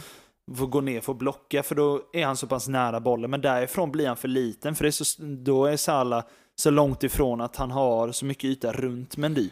Det som jag reagerade på, för jag reagerade också på exakt den situationen och just men det jag klurade på, eh, så som jag ser situationen, så finns det, för det ser ut som att han hamnar mitt emellan att han vill rädda skottet och täcka en sidledspassning. Ja, Det är typ så, min, så jag tolkar hans liksom, positionering. Ja, Sen att han du kommer menar. ihop och blir liten, det är en Mm. annan sak. Men just själv, vart han står. Ja, att han är på väg och beredd på ifall det blir en cutback typ. Precis. Mm. Men jag ser ju, alltså det ska till en sjujäkla kirurg för att få in en sidledspassning. Det finns ju ingen att passa ja, nej, till. Nej, nej, det, Det finns ju du bara måste prioritera skott. på skytten. Mm, precis. Blir det en passning, det är klart du kan läsa det ibland och sånt, men i typ den situationen där du säger det är så svårt, Mm. då får du ju lita på att backarna tar och tar inte de det, då kan, då kan man inte hänga dig i alla fall, för du täcker ju så inte den som har bollen kan skjuta. Nej. Utan du måste ibland lita på att dina backar gör, gör jobbet också. Gör inte de det så får du skälla ut dem. Alltså det, det är inte mer än så. Nej, men jag, jag håller med. Och det som ehm, eh, slår mig med Mendy är ju att n- nu när toppmötena har börjat, det har varit många toppmöten nu liksom. Jag har ju Mm. sett varenda toppmöte nu liksom. Eh, och det slår mig att om jag ska peka ut en svaghet hos Mendy så är det närspelet. Ja. Han gjorde i och för sig som jag säger på Salas eh, friläge och han Mm. räddar något mer skott. Så han, han, han gör några riktigt bra räddningar. Men det är som du säger, närspelet har han. Det är inte hans vassaste. Och jag, jag, vill vara, jag vill vara tydlig med att det är skillnad på utrusning och närspel. Ja, ja, ja. Alltså, jag tycker att de Geas starkaste sida är just närspel. ja. Alltså räddningar från tre meter. Mm. Eh, och positionering långt in i straffområdet. Där är de Gea vansinnig tycker jag. Och, um, När Eh. skotten kommer typ runt målområdeslinjen ja, ungefär. men precis. Alltså, där har ju runt- de Gea 80 sådana räddningar. Ja, ja. liksom. eh, men där, har, där tycker jag mig se ett mönster i att Mendy har det lite tungt. Ja, Eh, och när, men när det kommer till, han har ju en sån riktig räddning på eh, Salas, Salas. eh, eh, lobbskott typ. Jag vet inte vad man ska... Det ser ut som han... Alltså det, jag, jag, jag tycker att det är ett skott. Det är det ju. men, han är skjuter den högt medvetet Ja, för att Han han, vill smart. att den ska gå Ja. över. Så det är ingen chip, Nej, men det, jag sa det, det är ett skott för farsan. att komma Hade jag fått exakt det skottet, jag hade inte tagit den för jag hade inte nått den. Nej. Men det är 1,97, det är ju därför han når den. Och Ja, sen ja, så spänstigt såklart. Men det är ju en sjuk räddning alltså att Ja. nå ut. Han får ju liksom slänga sig lite bakåt mot krysset och liksom nå Mm. den. Ja, det, verkligen. Det ska och, han verkligen ha. Men det är tyvärr 2-0 målet hänger jag honom lite för tyvärr. För att han, kommer han ut och gör sig stor eller står upp så kommer han, 9 av 10 tar han. där. har du någon tanke om eh, Kellers eh, insats? Eh, alltså, han har ju inte lika höga förväntningar på såklart, men han gjorde ändå ganska eh, stabil. Men han fick ju göra någon räddning på Pulisic eh, där Ja. när han fick, eh, visst den är ganska mitt på, men den är ändå över huvudet och han får lite reflexrädda, så att det, det är också en jättefin räddning. Men jag tyckte han höll liksom, ja men hyfsad eh, nivå ändå. Han är ju en, ja men han, eh, han är ju liksom ingen som jag tänker håller Liverpool-klass. Nej. Men han, jag tycker ändå han gjorde en bra match. Ja, men jag var lite förvånad över hur säker han såg ut. Ja, han kändes Och, och en grej som, eh, som jag tycker att alla glömmer bort, jag läste ganska mycket sociala medier efter, det är ju att Kovacic mål, för övrigt, är ju... Alltså jag, jag vill nästan säga årets mål. Ja, För det den- går inte att säga Alltså han är på väg bakåt när han skjuter. Ja. Han hoppar baklänges och Ja. skjuter. Eh, men vi kan komma tillbaka till det. Men det som händer innan det, som gör att bollen flyger upp i luften, det är att Det- Keller kommer ut mellan typ åtta spelare och får till en sån jävla box. Det är ju ingen dålig box verkligen. Det är Nej, den är väldigt bra. världsklass på det, den. var, det var ju det som var det eh, lite tråkiga med mig då när det målet hände när jag kollade på reprisen var ju att jag eh, tyvärr när Kovacic skjuter, alltså det är ingen målvakt i världen som ska ta det skottet. Nej. Men mm, Kelleher är inte med för fem öre när skottet går och det är ganska tydligt för han, han har precis han kommer till position och sen så är han lite, han ser lite i, som här att han håller på att leta var han ska vara någonstans och sen kommer skottet så bara oj. Men det är ju såklart, det är ju ingen målvakt i världen som ska ta det skottet. Det är ett grymt skott av Kovacic. Ja, Och det var det som var också lite kul då att eh, på den hörnan som var precis innan så hade ju eh, alltså Chelsea hade haft tryck ett tag och det stod Mm. ju 2-0. Och jag sa det till farsan, just i sådana här matcher så blir det lite psykologiskt att jag tror Chelsea gör mål nu för de behöver ett mål strax innan paus. Mm. Och det, roliga, det sa jag precis innan hörnan slog, så sen Mm. så direkt efter så var det, så sa jag det, vad var det jag sa? Mm. Han bara, ja, det... Han sa inte så mycket sen. Men det, det var lite kul, för det är just det här, man har lärt sig i, i många matcher just det här psykologiska, ungefär när mål brukar komma och liksom, ja men just att det står 2-0 till Liverpool, Mm. Chelsea är ändå bra och Chelsea har trycket just där strax innan paus. Och då känner man att då, de gör ju allt för att få ett 2-1 mål precis innan paus. Nu får de till och med 2-2. Mm. Men det är, det är ganska psykologiskt just att det, det kändes verkligen som att Chelsea höll på att vända matchen spelmässigt också. Mm. Och så har de ju maximal tur att de får in två mål där sista eh, fem minuterna innan pausen. Och det var då jag tänkte att det här, eh, alltså det, det är ju en jättebra match utöver förutom kvaliteten. För där börjar det ändå höja sig och jag tycker Chelsea börjar fatta det här med att slå bakom eh, backlinjen på Liverpool. För det gjorde de ju inte i början. Och det var också en grej jag tänkte på. De spelar och spelar men så här Mount och Pulisic de, de mötte ju bara och det var ju då var det ju bara upp och kliva i rygg på dem för eh, Konate och van Dijk och så tog de bollen igen. Ja, alltså det, mm, det, det var ju som sagt en, en, en match där det var ehm, en rolig match i alla Ja fall. men Även- verkligen. Alltså, jag, jag önskar att jag bara hade suttit, liksom lutat mig tillbaka. Ja, Eh, men jag tyckte att det på förhand såg ut som en så jävla spännande match. Alltså Ja. taktiskt också. Eh, med tanke på vilken... ehm, ehm, vad som man säga, det var ju en riktig schackmatch i Ja. början utav säsongen där. Så kändes det verkligen som ett schackbräde där mellan Klopp och Tuchel. Och, ehm, eh, frågan är om Klopps frånvaro där på sidlinjen gjorde det någon kan nog ha skillnad. påverkat lite. Det vet man I ju don't inte. know. Nej. Ehm, men ehm, eh, hur som helst så eh, hade jag eh, sett tidigare mönstret i att det inte var så mycket mönster. Ja, nej. Eh, så hade jag nog njutit ännu mer utav det. Ja. Eh, men jag bara eh, slås ju utav hur fantastisk Mohamed Salah mm, ja, det är... Alltså, ba, alltså, bara det faktum, alltså om man ska snacka underskattad, det är han ju verkligen inte, men överhatad kan man ju absolut nämna Salah som. Ja, ja. Alltså bara det faktum att folk efter två, är, är det två matcher utan mål nu? Eller för, Ja. alltså förutom mot Chelsea, är, är det två eller är De- det en? Jag ska dubbelkolla här. Nej, jag tror det är bara en. Ja. Utan mål ska vi dubbelkolla här. Han Alltså i rad då, ja, in, innan den här Ja, matchen. han gjorde inte mål mot Leicester när han fick stryk och han gjorde inte mål i, mm, borta mot Spurs. Nej, okej. Nej. Två, två, matcher, då. Ja. Visar Eh, bara vilka krav folk har. vad... Va? Ja. alltså, Han är bäst i världen. Hade Messi gått två matcher, visst nu har man klagat på att han inte gjort, men hade Messi gått utan mål bara två matcher, då hade man ju inte klagat på honom att han inte, alltså. Nej, Salah är bäst i världen just nu, det är bara att titta på vad han gör och vilka mål han gör och att han Ja, liksom... det är, jag håller med. Det är, det, det är inte, alltså bara den kroppsfinten på hans mål. Men han fintar Alonso Alltså ja. Al Alonso, är, alltså det, du vet, Det han- räksallad på den. han rör inte, alltså, alltså han rör inte bollen på Nej. tre sekunder Nej. och fintar bort eh, Alonso med bara jag ska nog... Nej, jag ska Nej. jag bara... jag går hit nu. Nej, jag vänder dit. Nej, jag vänder tillbaka. Allah! Ja, Ehm, ja, men det är lite som när han, bara det när han gör i, mot City, det solomålet. Alltså det är just att han är, han är så svår att få tag i. och allting händer så. Han har så, han har så unik eh, motorik. Ja. Att det är ju liksom, det är ju inte Messi-räder, det är inte fyra toucher per löpsteg liksom. Nej, nej, nej. Men, men det är...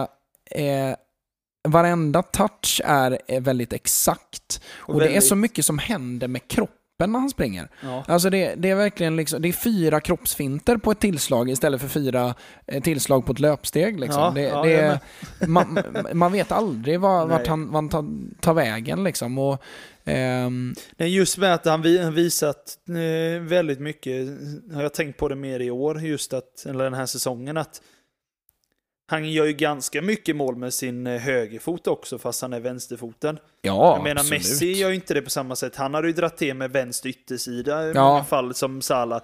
Drar till Och så hade man, kallat honom, alltså hade man kallat honom geni för det, Messi. Exakt. Nej, men Salah är mer tvåfotad än vad jag har tänkt att han är. Ja, men det, Med det, tanke på hur han jobbar, både när han gör sina soloräder ibland och väggspel och sånt där, men också sina avslut. Kan jag absolut hålla med om. Ehm, men ehm, ehm, som sagt, det, det var en... Eh, för ovanlighetens skull så var det en ganska så eh, flängig match som ehm, egentligen inte tjänade någon annan än tittarna och City. Nej. Alltså- ja, jag var så nöjd att jag sa det också, att det var det farsan just att jag hoppas verkligen det blir kryss i den här matchen, för det hade gynnat City något fruktansvärt. Och det Ja, var tur att det gjorde, och jag kände verkligen att det... Ja, det är alltså... Eh, jag tror det är nästa omgång, nu är det uppehåll här. Eh, men jag tror det är nästa omgång som möts... Eh, så möter City hemma mot Chelsea. Vinner Mm. City den, ja. då tror jag nästan de har vunnit ligan. Sen tror jag ju, tror jag att Liverpool är de som är, kommer vara närmast ligatiteln utom City. Men Mm. det känns som att då har de nästan hockat av Chelsea där. Ja det... Känns det som i ja, alla fall. Det, För City är så pass bra nu. Jag menar, jag satt och kollade. Vi kan ju gå över till den andra stormatchen som var tidigare eh, på lördagen. mm. Den, den satt jag och tittade på. Eh, och Missade stora delar av den, Ja. tyvärr. Nej, men det, det är ju så här. Jag som City-supporter satt ju och var ganska irriterad efter första halvlek för att det är så mycket, eller vad ska man säga? Det är dåligt tempo på Citys spel. Mm. Alltså nu, nu börjar med City. Arsenal gör en superhalvlek den första. Mm. Men Ja, det, utav, det, utav det, lilla jag hann alltså, se du, så... Du måste egentligen kolla om hela första halvlek från början. De är så fruktansvärt bra Arsenal. Jag är väldigt imponerad. De ska ha all eloge för det. För de gör allting Thomas rätt i princip. Partey framförallt. Partey grym. Ja. De kunde satt pressspelet ännu bättre och straffat City ännu mer, men det är ju Ödegård och de trycker på, men sen hänger ju inte sittande mittfält och backlinjen med riktigt, så City löser det ändå. Men det är väldigt dåligt tempo från Citys fall och det är inte jättebra rörelse heller och det är ganska nonchalant emellanåt, både från backarna men också Ederson och sånt där. Det är liksom det är inget direkt tryck i passningen och det här bolltempot som City brukar få när de väl får eh, liksom press mot sig. Men som, som sagt, att City vinner en sån här match, det är jag jättetacksam över. Mm. Men det är ju det jag tänker som gör också att jag tror att de vinner ligan i år, är att Arsenal är bäst över 90 minuter, även om de får ett rött kort och Mm. har, gör lite grejer som inte jag är glad som fotbollssupporter att de håller på med. Eh, återkommer till det. Men eh, att City ändå vinner till slut med 2-1, det visar ju någon enorm styrka. För jag var, alltså efter första halvtimmen så tänkte jag att ja, men, idag vinner inte City. Liverpool, Nej. eller vad säger jag, förlåt, Arsenal. Arsenal var värda att vinna den matchen, det ska Mm. jag ändå säga Mm. så bra som de var. Sen så tappar de lite i andra halvlek och får tyvärr försvara väldigt mycket då när, när Gabriel blir utvisad. Mm. Men... Eh, Men vad, alltså, det med... Eh, ska, vi, ska vi gå till den liksom största kontroversen med den? Och det var väl egentligen alltså eh, straffpunkts... Eh, ja, jag blir tokig alltså på sånt där. Det är så osportsligt att det, det var ju han, Marcel Hitz i Augsburg, som började med Mm. det ju i Bundesliga när han stod och tryckte sönder straffpunkten. Och grejen var ju att det blev så stor grej också för att den funkade ju. ja, ja, visst. Det är klart den funkar. Ja, men är anledningen som Bojan pratade om i pausen, eh, som eh, man tänkte på var ju att jag, för det första trodde jag att Sterling skulle ta straffen, det blev ju Mahrez istället. Mm. Vilket gjorde att Ram, det vet jag inte om Ramsdale tänkte på, men Bojan sa ju det, Ramsdale förstörde ju för en högerfot. För Mm. han trampade sönder den delen av straff, eh, straff, eh, straffpunkten där Sterling skulle satt ner sin stödjefot. Mm. Men det är ju fel sida för Mares är ju vänsterfotad så han kunde ju sätta ner sin stödjeben utan problem. Men Mm. just att man ser liksom länge att Ramsey står och gnuggar med hälen liksom bara för att förstöra. Gabriel står ju också där och förstör den. Ja, och han, han går ju fram på själva straffpunkten vad det verkar, Ja. Gabriel. Alltså han, han trycker ju på det vita, Ja, liksom, exakt. eh, på det målade. Ja. Eh, men det, ja, det, det är fruktansvärt dåligt, för det, det, det är ju liksom på något sätt... ehm, eh, jag, vet att det är eh, ibland så, eh, jag minns att det var någon sån grej i hockey, att eh, ibland så åker, om man är först ut på uppvärmningen, Mm. så åker man helvarv runt och då var det ofta eh, folk som så satte stenhårda skridskohälar i målgården på motståndarlaget. Ja, Så att eh, skridskorna skulle liksom slinta i ja, målgården. ja, jag typ. Ehm, men eh, sen, alltså, att det inte liksom, för det, det, det, har ju det har ju potential att bli en epidemi. Ja. Alltså det, det skulle ju lätt kunna bli så att man tar ett gult för det varje match. Eh, och det är ju skitdåligt, för vad ska man göra? Ska man flytta hela målet då eller? Ja. Vad, Nej men det är, grejen är ju att jag tänker då, det har jag ju filmat så man kan ju kunnat se det hur många gånger som helst efteråt. ja, visst. Att man inte visar direkt att det borde ha konsekvenser efteråt. Jag fattar under matchen kanske inte domarna märkte. Men om man, man såg ju det här direkt efter matchen bara, Mm. men står han och håller på att förstöra straffpunkten, alltså han förstör ju planen med flit. Mm. Då liksom, jag tycker det ska ha några konsekvenser i alla Absolut. fall. För att annars kommer det här, det kommer ju som sagt, som du säger, det kommer ju eskalera och fler, mm, både målvakter och spelare kommer ju fortsätta hålla på och göra sådana fulgrejer. Alltså jag fattar det här med att man, ehm, det finns ju mycket fulknep och ful, alltså i, i, eh, ja men typ som när de hade det här med att muren alltid gick fram innan Ja, de skaffade ja. sprayen. Det är ju en sån fulgrej, Ja. att du tjänar lite på det hela Mm, tiden. mm. Och det gjorde de ju någonting åt till slut. Men, eh, men det är ju, det här kommer ju liksom, det förstör ju planen och det är ju, alltså, nej jag vet inte vad jag ska säga, jag tycker bara det är liksom respektlöst och liksom osportsligt och bara förstöra Det är så. det. Jag fattar att man vill köpa grejer men det måste finnas en gräns med liksom vad det här med Ja, men det kan ju här inte, det, det kan ju inte liksom- vara så att någon har sprungit sig fri, gjort en jättebra löpning och blir nedsparkad när han är helt sopren. Nej. Eh, ska han då belönas med att trilla när han slår sin straff? Inte på grund av, av att han har gjort något fel, utan att någon har pajat straffpunkten. Ja. Liksom. Det, det som jag skulle kunna se som konkreta lösningar, det skulle ju faktiskt vara att man gör eh, den delen utav eh, liksom, alltså en straffpunkten och liksom en meters radie Mm. till konstgräs Konstgräs, till ja. exempel. Men liksom, ska det behöva gå så? Nej, det, ska det, det liksom... inte ska. Jag tycker att man ska visa Och där har vi 1-0 United. Ronaldo! Nej, det är offside. offside. Gött. Attans. Ja, ja. Eh, nej men eh, så, så långt ska det inte behöva gå, tyvärr. Eh, eller det ska verkligen inte det. Men om vi återgår, innan vi går in på fantasyhörnan. Om, jag, om vi återgår till City där, eh, för det, jag såg ju mestadels första halvlek och var faktiskt jätteimponerad av hur bra Arsenal var. De var jättebra. Eh, och framförallt i deras eh, pressspel som jag tyckte byggde upp mycket utav det. Även deras egna uppbyggnadsspel Ja. var väldigt, väldigt bra. Det är nog det bästa jag sett från Arsenal den här det säsongen. är bästa halvleken de har gjort i år. Ja, men det har de. Eh, det, det är det, absolut. Men eh, det som jag eh, tänkte mest på, det var att Arsenal gjorde i stort sett allt rätt. Precis som du var inne på där med uppbyggnadsspelen, att de hade kunnat sätta dit dem ännu mer. Ja. För de kom oj. med en första våg, men sen så tyckte jag inte hela laget hängde med. Precis. Och det märktes på Ödegård, han var rätt irriterad för han liksom viftade upp alla, men de var inte där. Och det gjorde ju att City löste det många gånger. Men det är ju, sätter de högre press, då, för City har så dåligt tempo, så att då hade de ju satt dit eh, dem fler gånger och skapat fler målchanser. Men jag klurar på, när City, alltså det är jättesvårt att visu- visualisera i poddformat hur folk ställer upp och sånt. Eh, och vilken formation de har i vissa delar och sånt. Så jag håller mig från det. Men jag, jag utgår ifrån att de flesta av er har rätt bra koll på hur City spelar. Jag är, efter, efter att ha sett det, så är jag helt övertygad om att du måste spela ett 4-3-3 med en hållande mittfältare och två centrala åttor eller offensiva centrala mittfältare för att kunna sätta dit City över längre tid i uppbyggnadsfas. Mm. Det är enda chansen. För det som händer nu är precis just det du säger, att med två sittande mittfältare så räcker det inte. Nej, riktigt. de, de blir för baktunga i pressspelet i Ja. alla fall. Och du har inte råd att det, det skulle vara om du liksom gör så att det är någon liksom trigger eller signal för att en av de hållande fältarna fyller på upp. Men det är fortfarande inte lika effektivt som om du redan ställer upp med 4-3-3 Nej. med. För Och då det- har du ett par meter du ska löpa innan det och det...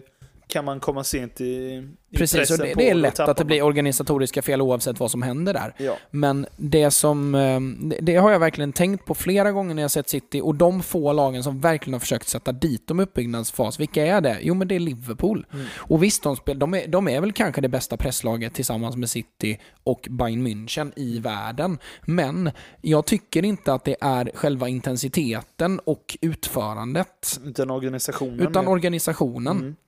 För att det som händer är att du kan liksom stänga Rodri utan att markera honom. Ja. Om du flyttar bollsida, flyttar Med närmsta tanke på att centrala... han inte flyttar sig så jättemycket heller faktiskt så Precis. är den... Ja, men. Och, och det ska ju heller inte en sexa göra i uppbyggnadsfas.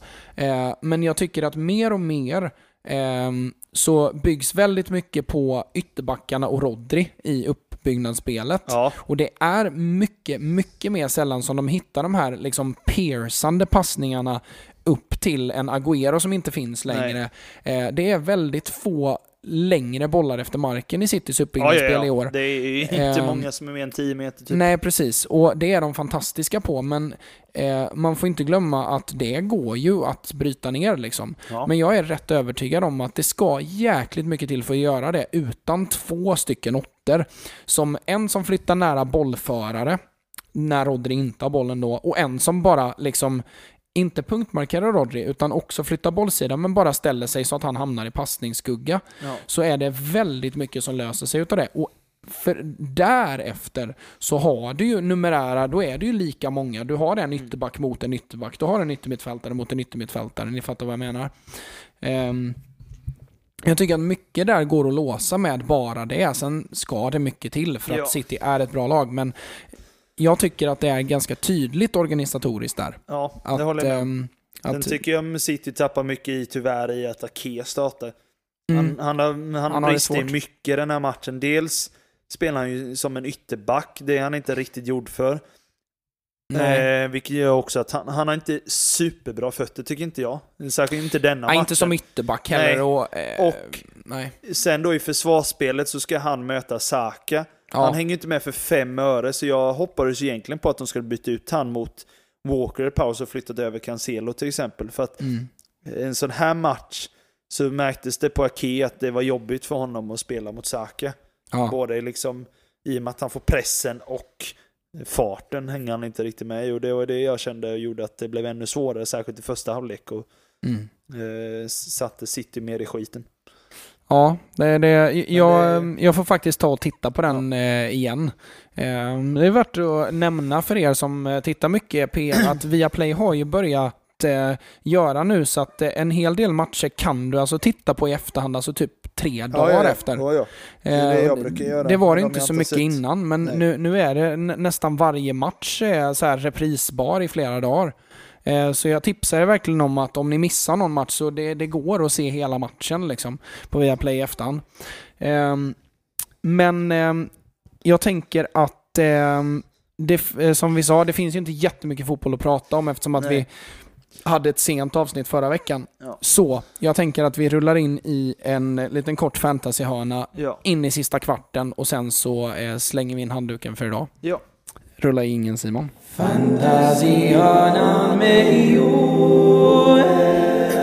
Yes. Tell us maestro.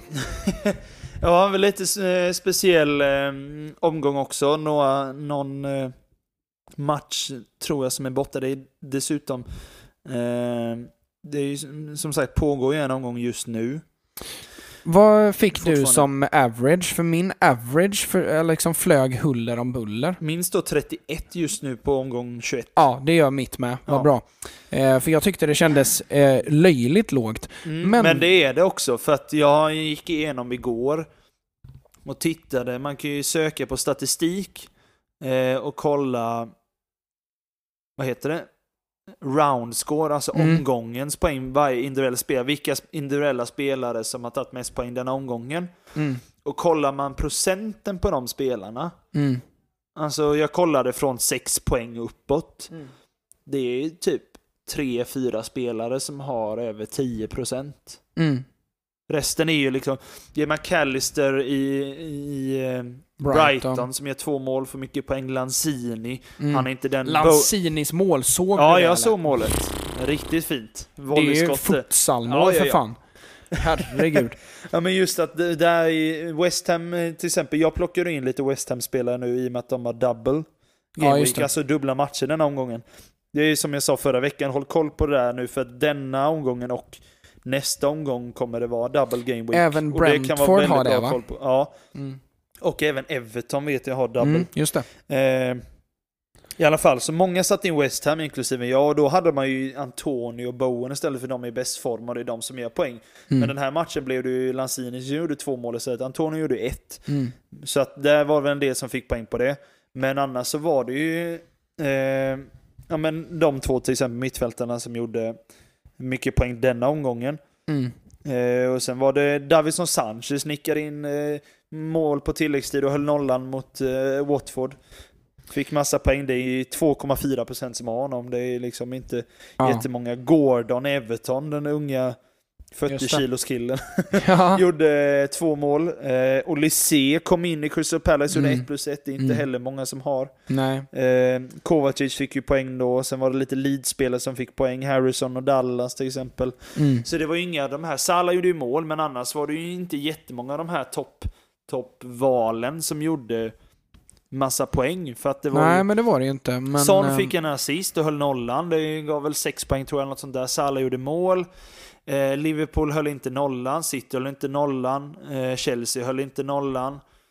Eh, det var ingen... Eh, det, Mares var den enda i City som är bland de populära mittfältarna som gjorde mål. Så att det var ganska många populära spel som inte har gjort poäng än så länge. Men det är ju som sagt, omgången är ganska lång den här omgången i och med att United spelar just nu, as we speak. Mm. Eh, och sen så eh, tisdag, onsdag är ju matcher också denna omgången. Med både eh, Southampton Brentford och eh, Everton Leicester på tisdagen och sen är West Ham Norwich på onsdagen. Mm. Så det är en lång omgång och det är ju många, många som har spelare som har bara spelat en match men som har mer poäng att plocka. Så har Mm. du inte så mycket just nu men har kvar West Ham eller Everton så kan man ju förhoppningsvis hoppa på lite, hoppas på lite fler poäng. Men eh, du plockade 37. Jag har 37 just nu, men jag har ju som sagt... Eh, jag gjorde en chansning, jag drog ett free hit, för jag hade flera spelare som jag kände att det är inte säkert de startar. Eh, det var de här två toppmötena, så de Mm. liksom... Det var, jag hade spelare för typ två eller tre matcher kändes som nästan. Mm. Så jag ville sprida ut det lite mer för förhoppningsvis få mer poäng, men jag hade haft ganska mycket otur. Ja. Eh, och lite halvdan scouting. Men eh, jag har ju, för jag har ju Antonio kvar, han har jag som kapten. Ja. Eh, Kevin Lewin missade straff, han sköt över. Nej. Han, jag hörde att han var tillbaka, jag tänkte han har double, eh, han har double game week. Han har varit skadad i och för sig, men han var en chansning. Mm. Eh, så han drog ju noll poäng fastän han spelade 90 minuter. Just det. Eh, och sen så har jag Gray i Everton också eh, kvar. Mm. Eh, han gjorde inget. Sen har jag Bowen och Diop också. Så de fem spelarna har ju double. Ja. Och sen de andra jag satt in var bara Salah som gav liksom utdelning. Resten var, plockade liksom två, tre poäng. Så att jag har haft lite oflyt. Men det är ju som sagt, det tror jag har varit för många. För att det man, det gäller, denna omgången är det nog mycket differential som gör att man klättrar. Mm. Ehm, då ligger jag ju före dig just nu, men jag har inte lika många kvar. Nej. Ehm, men jag... ehm, det var ju så märkliga uppgifter med Mohamed Salah. Ja, För Mohamed Salah så stod det på PL att han, alltså det är ju röd flagg på honom. Ja, det Och stod ju det ända Jag ska ifrån förra förklara veckan. detta nu då, för det gjorde farsan för mig igår. Eh, eller jag förstod det, men jag tycker logiken är lite konstig. Mm. Det är bara, men det är bara så det funkar. Eh, när deadlinen är är liksom satt, eh, när man inte fick göra fler byten inför den omgången, så var det klart att det här var sista matchen för Salah innan han skulle åka till Afrikanska mästerskapen. Ja. Vilket gör att då står den här röda flaggen inför nästa omgång och det gör att han är borta. Men jag sa det, det är- vi hade en diskussion och jag sa det, det är jättekonstigt att det står, innan han ens har spelat matchen så Ja. står det en röd triangel om att han inte, om att han ska på Afrikanska mästerskapen. Men, det är, men farsan sa det att det argumentet de har då i, i det här fantasy är ju att så fort deadlinen är liksom, den har satts, Mm. och man inte kan göra fler byten för den omgången, då kommer det upp även för näst, kommande omgång. Ja, okej. Ja. Så jag var också så här, jag skickade en screenshot och visade bara va? Ska inte Salah vara med ikväll eller? Mm. Han bara jo. Jag bara men vad fan röd triangel? Han bara, och det var ju då- samma sak med Mendy då. Ja. Eh, men, ehm, så då var jag så här, aha. Och det Mm. stod så ända in i det sista och Det jag står googlade och det- googlade det, och Det googlade. står fortfarande liksom. och, sen, och sen släpptes line-upsen och så var det så här, aha men Salah är ju med. Mm. Först, Jag tycker också det var jätteförvirrande. Så då gjorde jag så här då, att då satte jag kaptensbindeln på Jota bara för, ja men jag, jag kan, Mm. alltså om det skulle vara något sånt skit nu, så sätter jag den på det Jota. jag. Och så eh, gjorde ju Salah mål och så var det ju jättemärkligt för Jota fick assist för Chalobas... eh, Ja, den är konstig. Jag, det- jag såg det också. Den greppar inte Nej, det, jag Men tycker inte det ska vara någon assist, för det jag- är Chaloba som nickar ner den Jag till... tackar och bockar Ja, för ja. Jota plockar 10 poäng som kapten för mig och Ja. det var ju tack gudskelov för det. För eh, annars hade det ju varit Nej. kört för mig. Jag håller med. Men det Och så är också Ings då konstigt. som... Eh, Ja, just det. Ings gjorde, gjorde mål. mål. Ja, det var ju gött att du Ehm. fick poäng. Det är en differential. Mm, absolut. Ehm, men eh, det leder väl oss in i topp 10 va? Eller var det Ja. något mer vi behövde nämna? Nej, jag har inte så mycket. Det är som sagt, jag har inte så mycket mer tips nu, utan det är... Nu gjorde Wolverhampton 1-0 i Det är väl 82. klart de gör Det är så så gött! Förlåt alla United-fans, men det, är- det som City-supporter tycker man det här är roligt. Särskilt när du sitter här Jonas. Vad härligt. Det har aldrig varit så tyst i hans lägenhet kan jag säga. Nej, Nej. men i alla fall, jag har inte så mycket eh, eh, tips och sånt, utan det är mest håll koll, för det är som sagt, nu kommer det mycket när, när lag har dubbla matcher och sådana här saker. Så att håll koll, och det är nu folk kommer börja använda free hit som jag gjorde, jag chansade, det gav tyvärr inte jättemycket. Eh, och det är wildcards och det är trippelkapten på de som har dubbla matcher och sånt där. Så ha lite koll på det nu, för nu, nu får man verkligen eh, eh planera flera veckor framåt eh, också, för, i och med att då kan man ju vara beredd på att ah, men om två veckor så spelar kanske Arsenal dubbla matcher säger vi. Då kan det Mm. vara bra att försöka ta din fria transfer till att få in en Saka eller Ödegård till exempel redan nu så att du har det tills dess. Ja, Det var ett exempel. Men, så det är bara mitt enda tips är att just eh, håll koll nu för nu- kommer omgångarna se lite annorlunda ut. Nu är det inte att alla har en match och det ser ut som det ska utan det är, det är blank game week och det är Mm. double game week och sånt där. Så håll lite koll på det bara.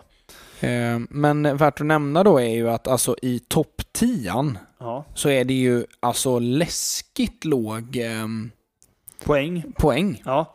Ska sägas att eh, han, eh, det kommer till han som ligger nia, Torslanda e-sport, Mm. har skrivit till mig på Ja, han har Instagram. det. Jag, Ja. jag bad ju honom att Ja. göra det, för han, svar, han frågade massa eh, fantasy-grejer eh, Ja. på någon live som jag hade och då sa jag bara men skriv till Joel Ja. istället. Nej, han frågade bara hur det gick för mig och då sa jag hur mycket poäng jag hade och han var bara 10 poäng bakom. Sen sa han att han jagar mig i gräsrätten nu. Så att Mm.